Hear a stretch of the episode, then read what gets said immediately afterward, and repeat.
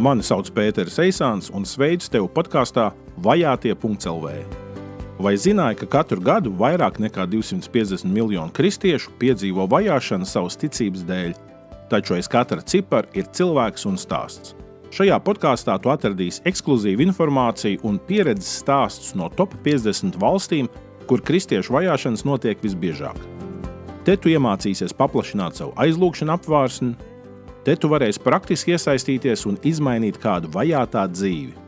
Tas viss vienreiz mēnesī, lietišķā formātā, bez drāmas un depresijas. Pievienojies!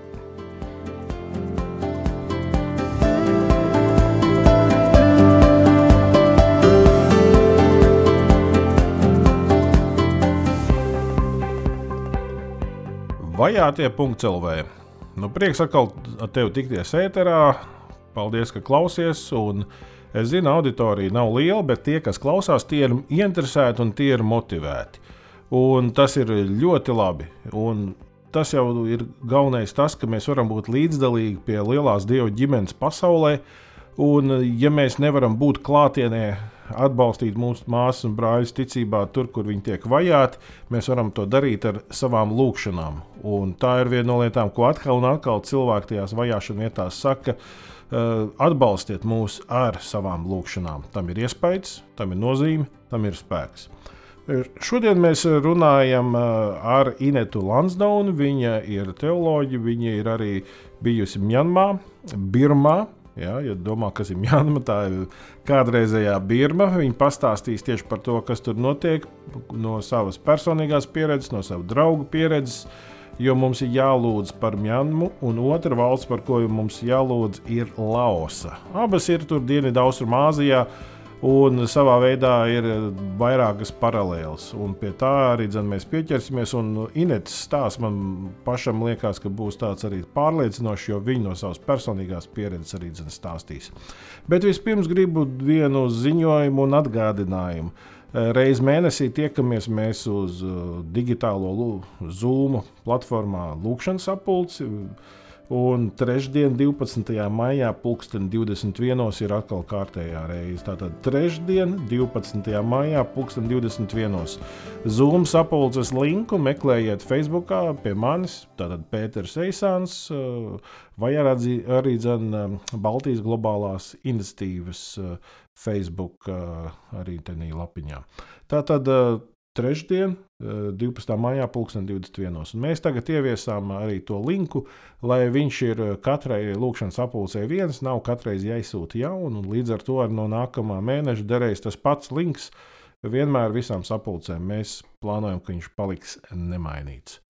Nu, bet tas tā ziņojums, bet tagad turam Dodamies tālāk, un personīgās pieredzes stāsts. Es sazvanos ar Inetu Lansdowni. Eh, viņa eh, ir teoloģija un arī mediju tuvumā eh, autori, un viņa pastāstīs savu personīgo pieredzi par Mjanmu.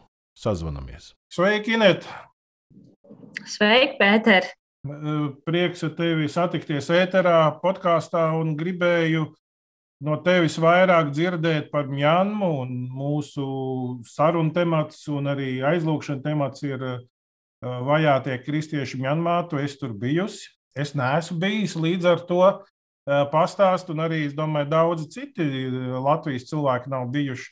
Palīdz vispār mums iegūt kaut kādu priekšstatu, kas ir Mjanma, nu, ka, ka Latvijas tur aizbrauc, kas pārsteidz, kas iepriecina, kas varbūt sarūktina, nu, un tad varbūt pie tiem, kas ir šie šodienas notikumi, šī brīža situācija, pie tā varbūt tā pēc tam iedot tādu skicīti, tādu vizītkarti. Mm, jā.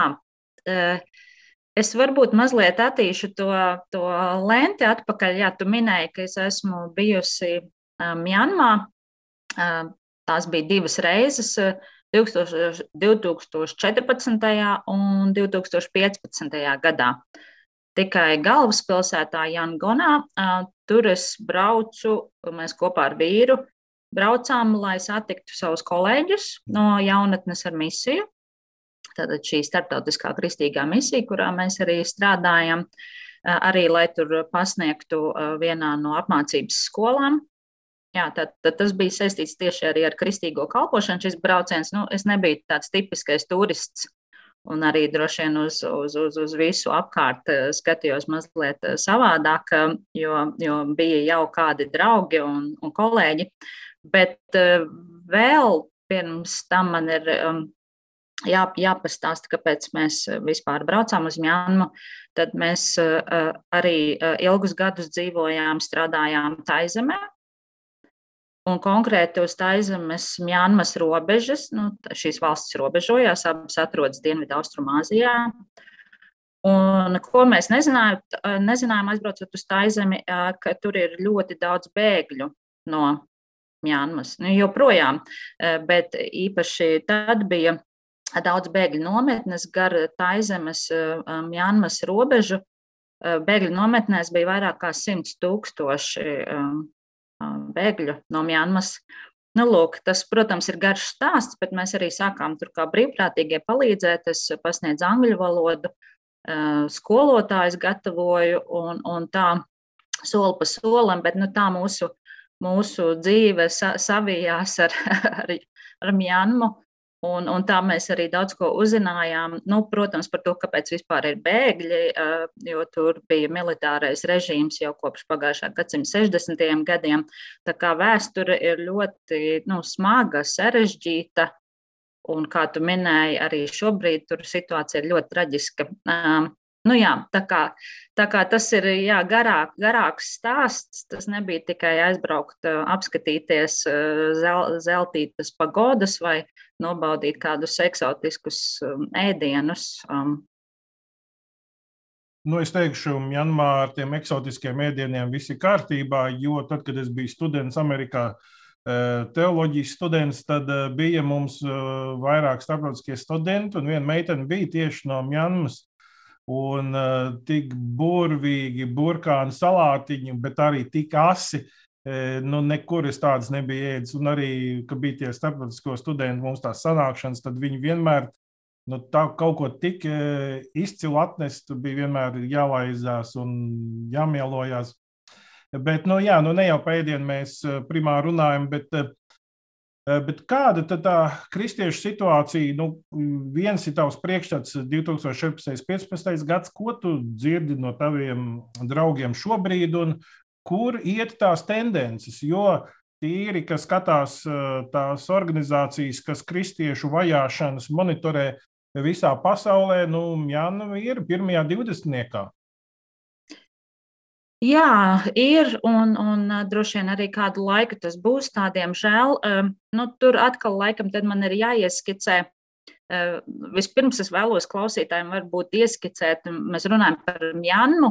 Nu, tā, dažiem varbūt pat tas nosaukums nav zināms, jo agrākais valsts nosaukums ir Birma. Tātad Mjanma tika mainīts nosaukums 89. gadā, ko militārā hunta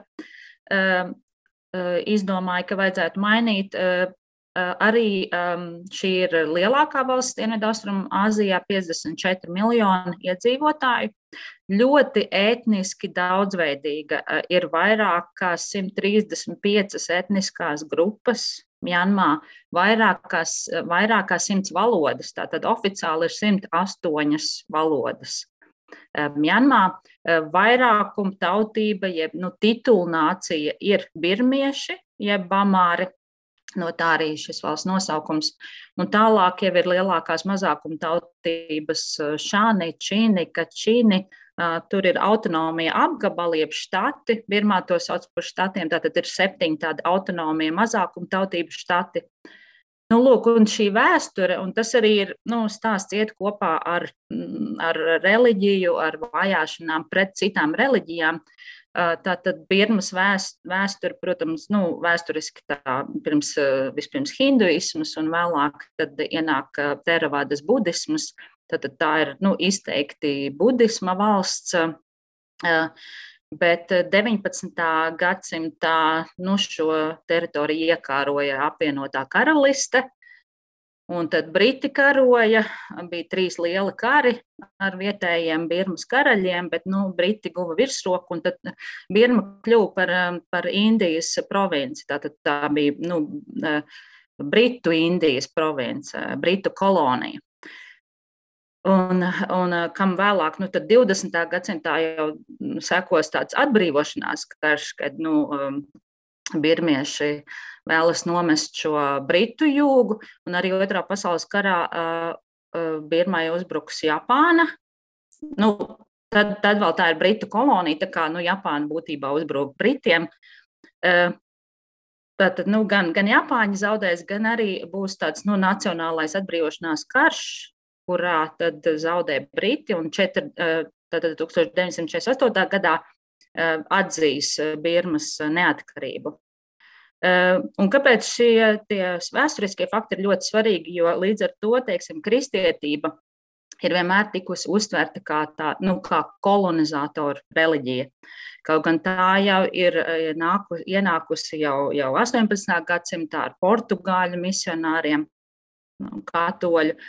Bet nu, tieši Britu tās, kolonizācijas laikā, protams, kad jau daudz vairāk arī misionāri ieradās Birmā, Tātad šī vienmēr ir bijusi tāda, tāda iekšēja pretestība arī, nu, kas vēlāk jau, kad nu, tika iegūta neatkarība, protams, tas šis te nacionālisms un tad arī vēršanās pret tām reliģijām, kuras tiek uzskatītas par nebirmiešu.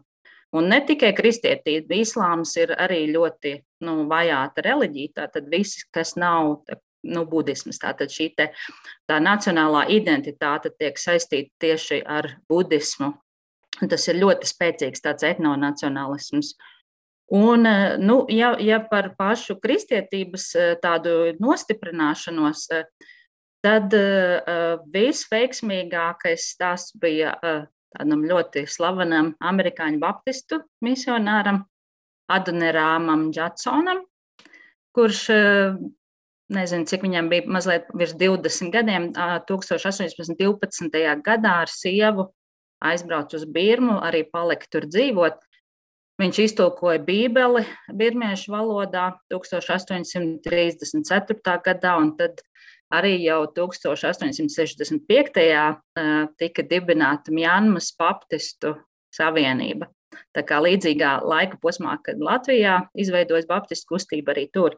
Un tā tad nu, ir no kristiešiem visvairāk ir protestanti, un tieši arī Baptisti ir lielākā konfesija. Es paskatījos datus pirms mūsu sarunas, ir pirmā reģistrēts vairāk kā 5000 Baptistu draugus. Un uh, tur to draugu locekļu skaits arī bija kaut kāds pusotrs miljons vai vairāk, un pat tuvu diviem miljoniem. Uh, jā, tā kā laikam procentuāli kristieši skaitās Birmā ap 7%. Tātad, ja, ja budisti ir apmēram 70, nu, absolūtais vairākums, tad kristieši ir kādi 7%, tālāk ir musulmaņi apmēram 4%. Nu, lūk, un vēl tāds svarīgs fakts arī, ka e, šī kristīgā vēsts viss, visvairāk tika uzņemta tieši mazākuma tautību vidū. Tā tad atkal ne, ne tā, tā titulnācija birmieši, kur tad e, kā, pretojās šai kolonizatoru reliģijai, bet mazākuma tautības e, karēni, šāni, šīni. Uh, uh, Jā, nu, lūk, un, piemēram, vien, vienā štatā, kur ir činu tautība, tur 90% ir kristieši. Nu, lūk, un, bet arī pagājušā gadsimtā, kad jau neatkarīgajā Birmā 60. gados notika militārais apvērums, apvērsums, tam arī sekoja tāds ilgs pilsoņu karš, varētu teikt. Nu, tas arī būtībā tagad turpinās tikai citā formā ar, tātad, ar nu, valsts to armiju, birmiešu armiju, vēršoties pret mazākumu tautībām. Nu, līdz ar to tas arī tāds politisks konflikts, jo nu, būtībā kristieši un musulmaņi pat nevar īsti dienēt Birmas armijā un arī būt valsts pārvaldē. Eh, un, bet atkal mazākuma tautībām izveidojās tur savas tādas nu, militārās armijas, nu, kā tādi savi neatkarības centieni. Uh, Nu, jā, nu, līdz ar to tur arī sanāk, ka šajā politiskajā konfliktā bieži vien ir nu, budists un kristietis kā, nu, pretī viens otram ar ieročiem.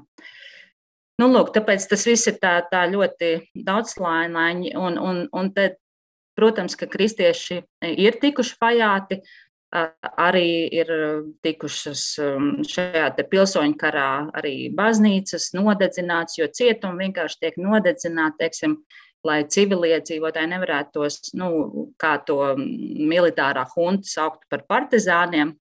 Nu, es domāju, tas mums arī saprotams no mūsu vēstures, um, kad uh, vienmēr konfliktos cieš uh, civiliedzīvotāji. Uh, protams, arī jā. Un uh, arī vēl tā budismā ir uh, ļoti tas, ka tas ir pie, tā, pie tās kultūras identitātes, tas pieder, ka teiksim, nu, klosteris un visa tā ciemata dzīve ir saistīta ar to. Un, Tad, piemēram, to arī konvertējoties kristietībā, nu, tu būtībā tiec izstumts no kopienas, jo tu, nu, ja tu nepiedalies tajā, nu, jo viss jau notiek tā kā tajā klosterī. Nu, sākot ar bērniem, kāzām, nu, visa dzīve ir saistīta ar, ar, ar budismu, ar klosteri. Tā kā arī šī te, arī tāds kultūra konflikts izveidojas un, protams, nu, jā. Tā, tā aktuālākā ziņa tikko bija vai ne valsts apvērsums. Un, un, un, un savā veidā man tas likās bišķīt arī tāds, tur arī tāda, tā ir smaga nots, bet arī kaut kāds komisks, ja, ka Amerikā bija lielās šausmas, tur ir valsts apvērsuma mēģinājums, ka viens nu, vairāk čaļi, bet starp tiem ir vegāns, vikingi, cepurē ieņem kapitoliju, nu, tagad pārņems varu, nu, būs šausmas. Patiesībā tas bija tāds nu, brutāls teātris, nekas vairāk.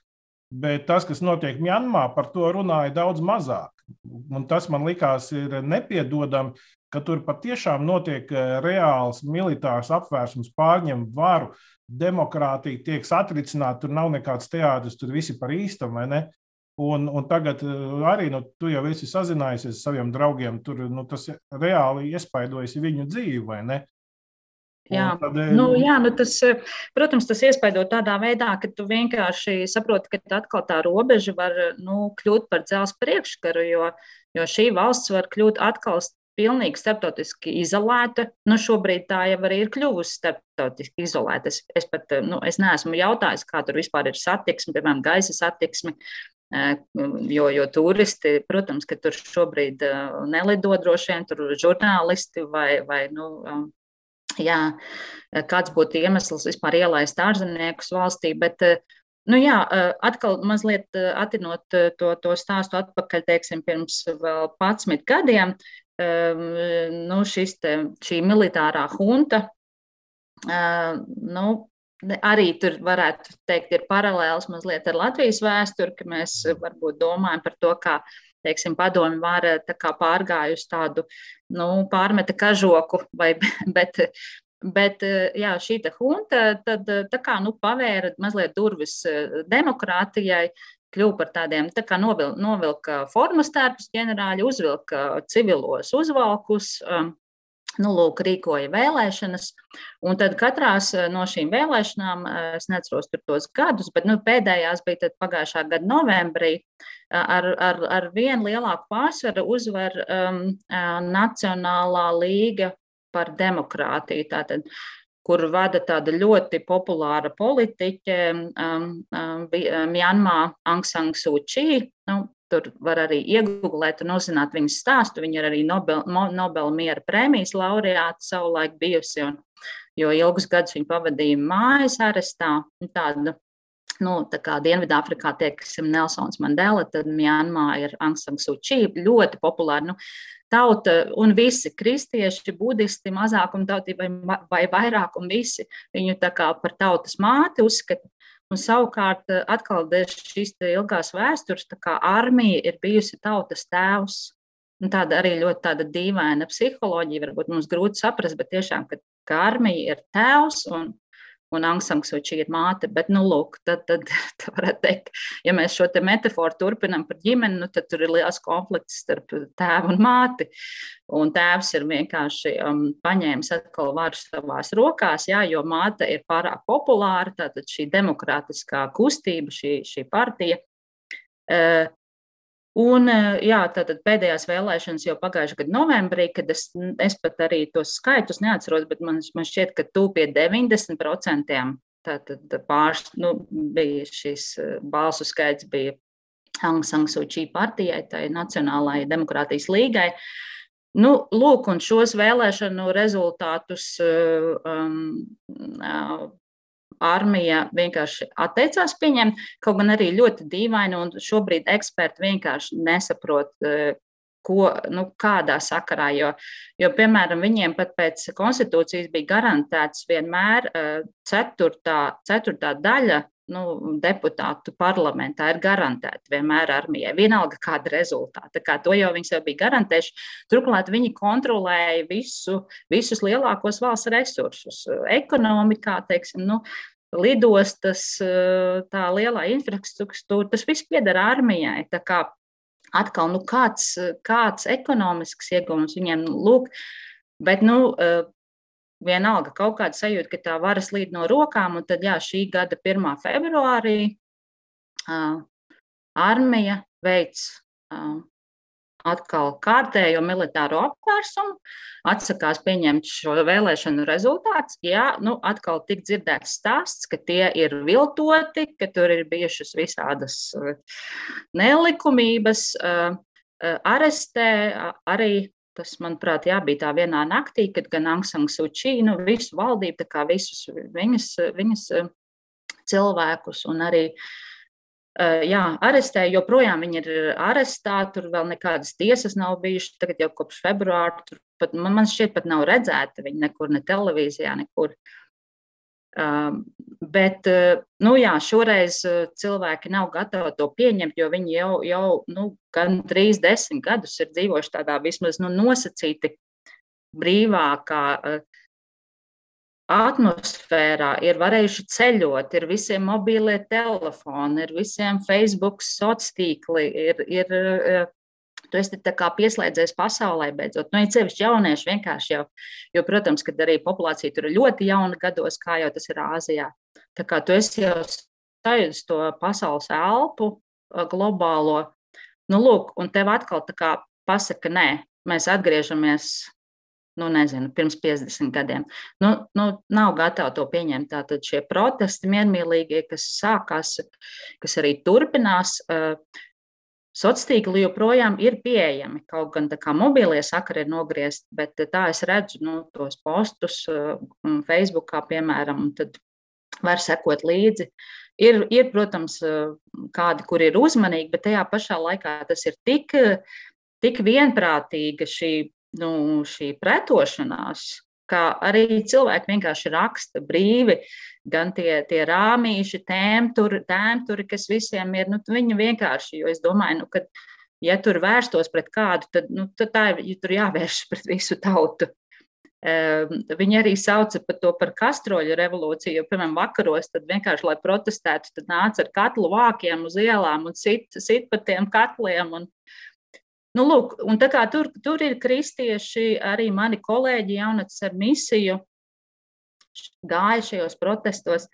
Atkal, nu, mēs varētu to salīdzināt ar mūsu atmodas laiku, kad uh, vienalga, kāda tev reliģiskā pārliecība, tu esi kopā ar saviem līdzcilvēkiem, ar saviem kaimiņiem. Jā, diemžēl cilvēki iet bojā, uh, Nu, oficiālie dati ir vairāk kā 700, bet neviens, protams, nezina. Var pieņemt, ka tas skaitlis ir daudz lielāks. Eh, eh, bērni, eh, jā, nu jā, ja tur tiek šauts virsū, tad jau trāpa visiem. Un, un, nu, lūk, un, un tas pilnīgi nav paredzams, kur tas var virzieties. virzieties atkal šis pilsoņu karš, jo šīs mazākumtautības, kurām ir tādas uh, nu, nosacīti kaut kādas armijas vienības, saka, ka viņi nepadosies. Tāpēc arī šajos dažos štatos jau ir atkal tāda nu, atklāta kara darbība. Nu, protams, ka Birmas armijai ir lidmašīnas un tā tālāk. Partizāniem ir tikai kaut kādi šaujamieroči un nu, nosacīts apbruņojums. Bet nu, vienalga arī uh, Tā lielā bažas ir, ka šis pilsoņu karš var izvērsties ar vien um, nu, tāds vardarbīgāks. Um, jā, nu, šobrīd nekādu tādu ļoti pozitīvu iznākumu neviens neredz. Tā kā lūkšanas. Un otrs ir, ka, protams, valsts, eh, kas jau tā ekonomiski bija nu, grūtībās, bet ar tādu diezgan lielu nu, uzrāvienu, tad tagad tas viss arī ir atsvies atpakaļ, jo tie dati, teiksim, cik strauji pieaugs nabadzība. Uh, un, un, un, um, jā, nu, tā kā. Tie, tās prognozes par nabadzības pieaugumu es tieši pirms pagājušā nedēļa lasīju arī vienā vairs neatceros, kurā ārzemju ziņu portālā diezgan biedējoši. Eh, tas cipars jā, bija pārsteidzoši liels, un es domāju, kā var tik strauji tas uh, pavērsiens notikt. Un, uh, pilnīgi bail nu, par tām prognozēm. Jā, bet, bet ja, ja valsts kļūst pilnīgi izolēta, jo, protams, ārvalstis, kuras tur bija, nu, tur visi bija tur iesaistījušies, tā vienkārši zelta bedre Mjanma, kas varētu būt vispār visplaukstošākā vis, uh, valsts tajā reģionā. Jo Birmai ir visi dabas resursi. Viņa ir visbagātākā ar dabas resursiem. Tur ir dabas gāze, tur ir uh, urāns, diamanti, smaragds zaļais, ko kā, nu, ķīnieši ļoti mīl. Rubīns, sarkanais uh, dārgmetāls, nu, dārgakmens, kas kā labākais pasaules rubīns. Um, Tātad, nu, tur ir iespējami visi dabas resursi, un, protams, pati tauta ir milzīgs resurss. Tā kā tu atkal kārtējo redzi šo te, kā, dabas resursu lāstu, bet, nu, jā, protams, ka rietumvalsts tur bija investējušas, Japāna, arī Āzijas valsts, Singapūra, bet nu, līdz ar šo politisko krīzi arī starptautiskais spiediens, protams, ir ļoti liels nu, no ANO, no visām rietumvalstīm. Protams, nu kādas vairs tur investīcijas, un ja to visu tā, tā kā nogriež, turklāt arī laikam 80% tas eh, imports, eksports notiek caur ostām, mhm. un es lasīju, ka teiksim, tas ir apstājies. Un tad, nu, ja burtiski vienkārši tās robežas tā kā ir ciet, un nekas vairs nenāk iekšā ārā, tad. Eh, nu, jā, Tā ir viena no lietām, ko es eh, arī pirms laika lasīju Pew Research Center, ka viņi eh, katru gadu tieši par vajāšanām arī tādu nopietnu pētījumu taisa. Un, un, un teiksim, tā viena no analīzēm ir, ka visvairāk tās vajāšanas notiek tieši vietās, kur ir autoritārie režīmi. Jo Jā. autoritārāks režīms, jo grūtāk ir eh, kristiešiem un arī jebkurai reliģijai. Un tajā ziņā es domāju, nu, tīri man tāds secinājums priekš sevis ir, nu, reizēm Latvijā mēs tādi e, izsakamies tur pa Eiropas Savienību un vēl tur kaut ko. E, nu, tā jau mēs no savas, e, kā lai saka, provinces perspektīvas varam teikt, bet ja mēs paskatāmies uz globālajiem procesiem, tad mēs saprotam, ka mēs esam slavu Dievam par Eiropas Savienību, ka mēs varam būt šeit, Un, eh, un, un, un, un tomēr tāda garantē zināmas tiesības, brīvības un, eh, un mieru. Un, nu tā, tāpēc eh, es, man liekas, ir svarīgi mums zināt un saprast, kas notiek globālajā, nu, pasaules līmenī, jo citādi mēs pat nenovērtējam to, cik labi ir nu, pie mums. Bet, zini, Ir vēl viena lieta, ko tīri es tagad, kad tu stāstīji, es domāju par Ansanu Sučiju. Viņa tāda nācijas māte un populāra, bet tāpat laikā viņa nebija svētā tādā ziņā, ka nu, viņai nebija ēnas. Bija arī daži nesmukumi, pa ko es tā klausījos. Viņa saņēma Nobela miera prēmiju un viss, bet tāpatās viņai bija problēmas ar tiem musulmaņu mazākumu vajāšanām un bēgļiem. Un viņa bija diezgan tāda vismaz pēc tā atreferējuma angliskajā presē, diezgan tāda nacionālistiski, pat tāda likās. Um, nu, negluži kā miera prēmijas laureāti, teiksim tā.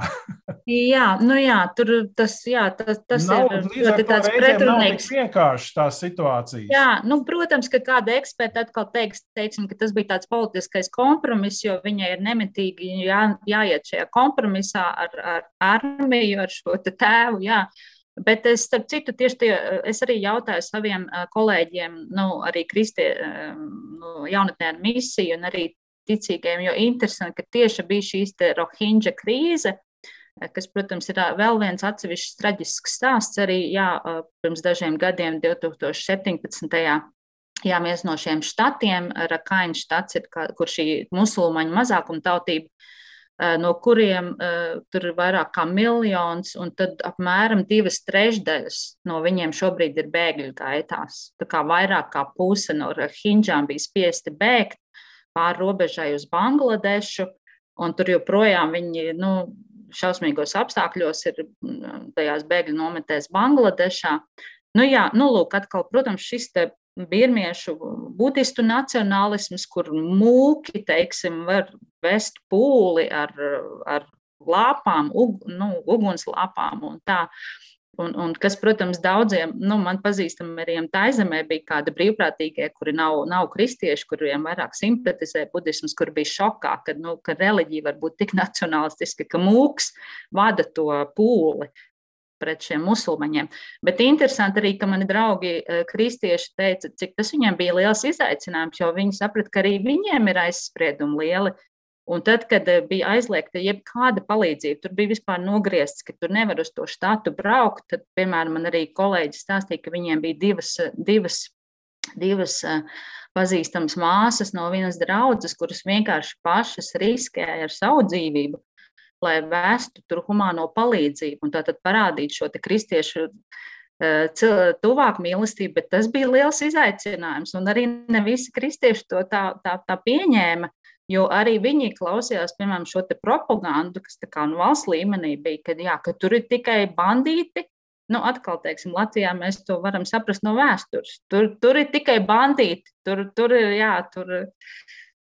Nu, lūk, tā kā, um, jā, un arī, protams, ir uh, vēl arī rasisma problēma. Tā kā, tā kā, uh, kas ir arī ļoti žēl, Un, protams, es nezinu, kad es pati varēšu atkal apmeklēt Mjanmu. Nu, šobrīd to vispār grūti paredzēt, bet uh, arī jaunatnē ar misiju bija tāds nu, liela izaugsme. Tie pēdējie dati bija, laikam, ka bija septiņas tādas nu, darbības vietas, lokācijas un apmēram 50 darbinieki. Bet es zinu, ka arī tas Darbs ļoti strauji attīstījās, jo atkal sākās tāda nu, starptautiska apmaiņa, teiksim, ka viņi varēja braukt apmācībā uz citām valstīm, turpat blakus, Kambodžu, Taizem, arī daudz varēja turp doties misijā. Un tā tad bija sajūta, ka nu, vienkārši visas durvis vaļā evaņģēlijam. Uh, es domāju, ka nu, teiksim, no ārpuses tās durvis ir aizvērtas. No iekšienē tās durvis ir patiesībā vēl vairāk vaļā, jo tie kolēģi saka, ka šajā ciešana laikā Eh, kur atkal tu esi vienkārši tādā, nu, gan izdzīvošanas tādā režīmā, bet atkal šī mīlestība, ko tu parādi savam tuvākajam, vienalga kādas ādas krāsas vai reliģijas vai tautības. Eh, es domāju, ka nu jā, nu, mums katram ir savs laiks. Bet tas jau tik ļoti sasaucās ar apstuļu darbiem un no agrīnās vēstures par kristiešu draugiem no Romas impērijas, ko mēs klausāmies un lasām. E, tur jau tas bija. Tas spēks bija tajā, ka tā ticība tika izdzīvota reālā situācijā, grūtā. Tu parādīji mīlestību, darbos, tu apliecināji to evaņģēlīju vārdos, un tas nes augļus. Tādēļ Te jau ir tas paradoks, no vienas puses, neviens nemeklē un nevajadzētu meklēt grūtības, vajāšanas vai izaicinājumus, bet cik svarīgi, nu, cik var no ārpuses mums atbalstīt ar lūkšanām. Tos, kas ir tā visa viducī, ja vēl var kaut kā praktiski atbalstīt, tas arī ļoti labi un svētīgi. Un, un, un, protams, vienmēr būt nomodā par sevi pašu, lai mēs to, kas mums ir, neuzskatām kā paši par sevi saprotam, kaut kādu, kas pienākās, bet tomēr redzēt, cik liela žēlastība tas viss ir. Eh, Inēta, paldies tev liels, ka tu ieskicēji un ļāvi eh, paviesoties Mjanmā, eh, bišķīt labāk kaut ko no tā saprast. Un arī, lai tas dod mums tādu spēku lūkšanām, tieši lūdzot par māsām, brāļiem, lai viņi var būt uzticīgi Jēzus liecinieki šajā grūtajā situācijā. Jā, paldies, ka bija iespēja pastāstīt. Inēt, paldies par stāstījumu, paldies par tavu pieredzi, paldies, ka līdzdali to. Un arī dzen, tagad mums būs jāpāriet pie uh, tiem galvenajiem aizlūgšanu punktiem, kas attiecās uz Mjanmu. Tātad, kas ir Mjanma? Senāk tā tika saukta par Birmu, un viņi atrodas, nu, kaimiņu valsts ir Bangladeša, Indija, Ķīna, Laosa un Taizeme. Un viņai ir izējusi Bengālijas līci, tātad Indijas okeāns. Pēc iedzīvotāju sastāvā ir tā, ka ir kaut kādi 55 miljoni iedzīvotāju, un kas skatās uz to reliģisko sastāvu, tad budisti ir 88%, aptuveni 6% ir kristieši un aptuveni 4% ir uh, islāms. Un nu, tad vēl ir kaut kādas Eh, nelielas grupiņas, kas ir aptuveni 1%. Tātad eh, stabils eh, budisma vairākums ir šajā valstī. Un tas jau saskan arī ar to, ko Inet jau stāstīja. Es domāju, ka vairākumam viss, kas saistīts ar budismu, liekas, tas ir tāds labdabīgs, nevainīgs. Tur nav nekādas vardarbības, tur nav nekādas piespiešanas, bet uh, Eh, izskatās, ka tomēr, eh, nu, tomēr eh, nu, fakti ir tādi, ka Mjanmā tomēr kristiešu un, protams, arī citi pasaules uzskati un ticības ir kaut kādā veidā apdraudēti no valdošiem uzskatiem, bet tie konkrētie aizlūgšana punkti, kas varētu būt attiecināti uz kristiešiem Mjanmā, varētu būt šie pieci punkti. Tātad Mjanmā turpinās pasaulē ilgākais pilsoņu karš un arī tam papildus ir valsts apvērsums. Tas veicina kristiešu vajāšanas. Lūksim, lai iestājas atrisinājums pilsoņu karam un lai iestājas miers. Tātad tā ir pirmā lieta. Otrais. Mjanmā ir ļoti spēcīgs reliģiskais nacionālisms, kas stimulē kristiešu vajāšanas. Pieaug uzsvars uz budismu, un visas citas reliģijas tiek ierobežotas un aizliegtas. Lūksim par mūsu brāļiem un māsām, kas ir atstājuši budismu, lai sekot Jēzum, lai Dievs viņus stiprinātu, lai viņus iedrošinātu un viņus pasargātu. Trešā lieta. Bieži kristīgajām ģimenēm nav pieeja pie kopienas resursiem, piemēram, ūdens. Tāpat pašlaik Covid-19 laikā kristiešiem netiek sniegta palīdzība, ko saņem pārējie kopienas locekļi. Lūksim par kristiešu fizisko vajadzību apmierināšanu šajā laikā. Ceturtais punkts. Lūksim par draugu vadītājiem, kuriem bieži uzbrūk budistu ekstrēmisti. Lūksim, lai Dievs vada viņu soļus ikdienā, viņiem veicot mācekļošanas procesu un kalpošanu. Piektais. Lūksim par vienotību dažādu draugu starpā, lai tās kopīgi varētu būt par sāli un gaismu vietējā sabiedrībā, lai viņus raksturo mīlestība. Nākamā valsts aizlūgšanu secībā ir Laosa, jeb kā to oficiāli arī sauc, Laosas Tautas Republika. Un tā atrodas geogrāfiski turpatās, blakus Mjanmai, jeb kā senāk to sauc par Birmu. Un tad kaimiņu valsts ir arī Vietnama, Taizeme, Kambodža Un no visām pusēm tā ir ietverta no šīm valstīm, un viņai nav tiešas izējas uz jūru. Eh, Laosa ir um, iedzīvotāju skaita ziņā mazāka nekā Mjanma, un viņiem ir aptuveni 7 miljonu iedzīvotāju. Un arī tas reliģiskais sastāvs ir tāds, ka ir aptuveni tikai 1,5% kristiešu, un pār pa 66% budisti. Un jārēķinās arī tas, nu, vai atceraties, tie, tie kas esat no, no aptuveni manā vecumā, ap 50 gadiem, ka PSRS laikos, kad gājām skolā, tā jau tā arī bija brālīgā tauta, un kas komunismu ideāliem ticēja, jo tur ir Vietnama, tur bija Tautas republika, kas ir Lausas Tautas republika. Un, un, un, un, un visi šie komunismu ideāli tur bija dzīvi, un joprojām tie kaut kādā veidā tur tiek kultivēti. Un, protams, ir arī budisms, tas ir arī ar savu iespaidu, un kaut uh, pēc tādiem nu, konstitūcijas uh, parametriem un punktiem ticības brīvība būtu atļauta, Tad ir tā praktiski tas, kas ir ārpus eh, lielpilsētām, nu, tur nekas no tā īsti nav. Un, un pienāk ziņojumi tīri par konkrētām situācijām, ka tiek atņemti dievnam, netiek ļauts un, un tiek tieši tajos ciematos un tajās mazajās vietiņās tās vajāšanas notiek pret mūsu māsām un brāļiem. Pilsētās esot tomēr mierīgāk. Tātad šonadēļ tie četri aizlūgšana punkti par kristiešiem Laosā būtu sekojošie. Pirmais. Lauka apgabalos laosiešu draugas satiekas pagrīdē, jo tā tiek, tās tiek uzskatītas par eh, nelegālām sapulcēm, jeb arī par pretautiskām, eh, nu, tādām kā valsts ienaidnieku sapulcēm, tās, kas nāk no rietumiem. Tādēļ lūgsim Dieva apsardzību mūsu brāļiem un māsām. Otrais aizlūgšana punkts. Ļoti bieži kristiešiem tiek konfiscēti īpašumi. Viņiem uzliek naudas sodus, viņi piedzīvo fiziskus uzbrukumus. Lūksim par kristiešiem, kuriem šādi tiek uzlikts milzīgs spiediens atteikties no ticības. Lūksim, lai viņiem ir spēks un drosme pastāvēt ticībā.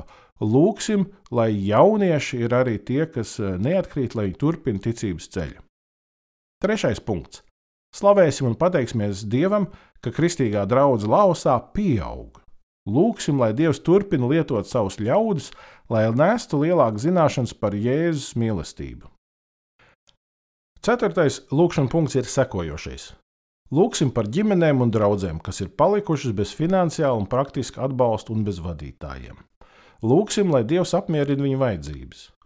Un arī, e, lai šī Dieva rūpe un tas veids, kā viņš apmierina tās vajadzības, ir liecība arī apkārtējiem, ka Dievs nepamet, ka Dievs ir uzticams, ka Dievs gādā. Ar to noslēdzās mūsu epizode, un lai Dievs svētītu tevi iesaistoties šajā lūkšanas kustībā par vajātajiem kristiešiem visā pasaulē. Uz tikšanos nākamajā reizē. Visu labu!